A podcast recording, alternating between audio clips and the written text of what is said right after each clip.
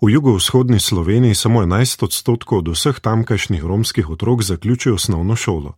Na osnovni šoli Metlika so jim prišli naproti z dopolnilnim poukom, ki poteka v njihovem jeziku, v romščini.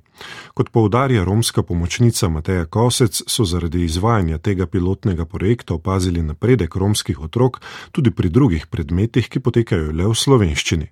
Opažajo, da so učenci uspešnejši pri tistih temah, ki smo jih obravnavali prav pri dopolnilnem pouku.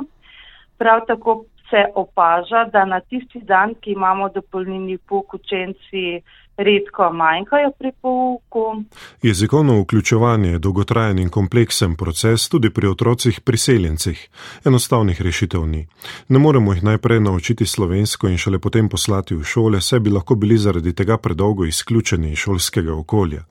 Najboljša pot je, da se učijo slovenščino in jo usporedno utrjujejo med sovrstniki ali v okolju, kjer jo lahko slišijo, poudarja Bronka Strauss z Ministrstva za vzgojo in izobraževanje. In lahko tudi posluša, uh, lovi besede, ne se te strategije učenja jezikov, načeloma uh, jih uh, otroci ponotranjajo že od malega. Na nekaterih šolah so pri jezikovnem uvajanju priseljencev zelo uspešni, drugod pa se soočajo z velikimi izzivi, pa tudi stiskami.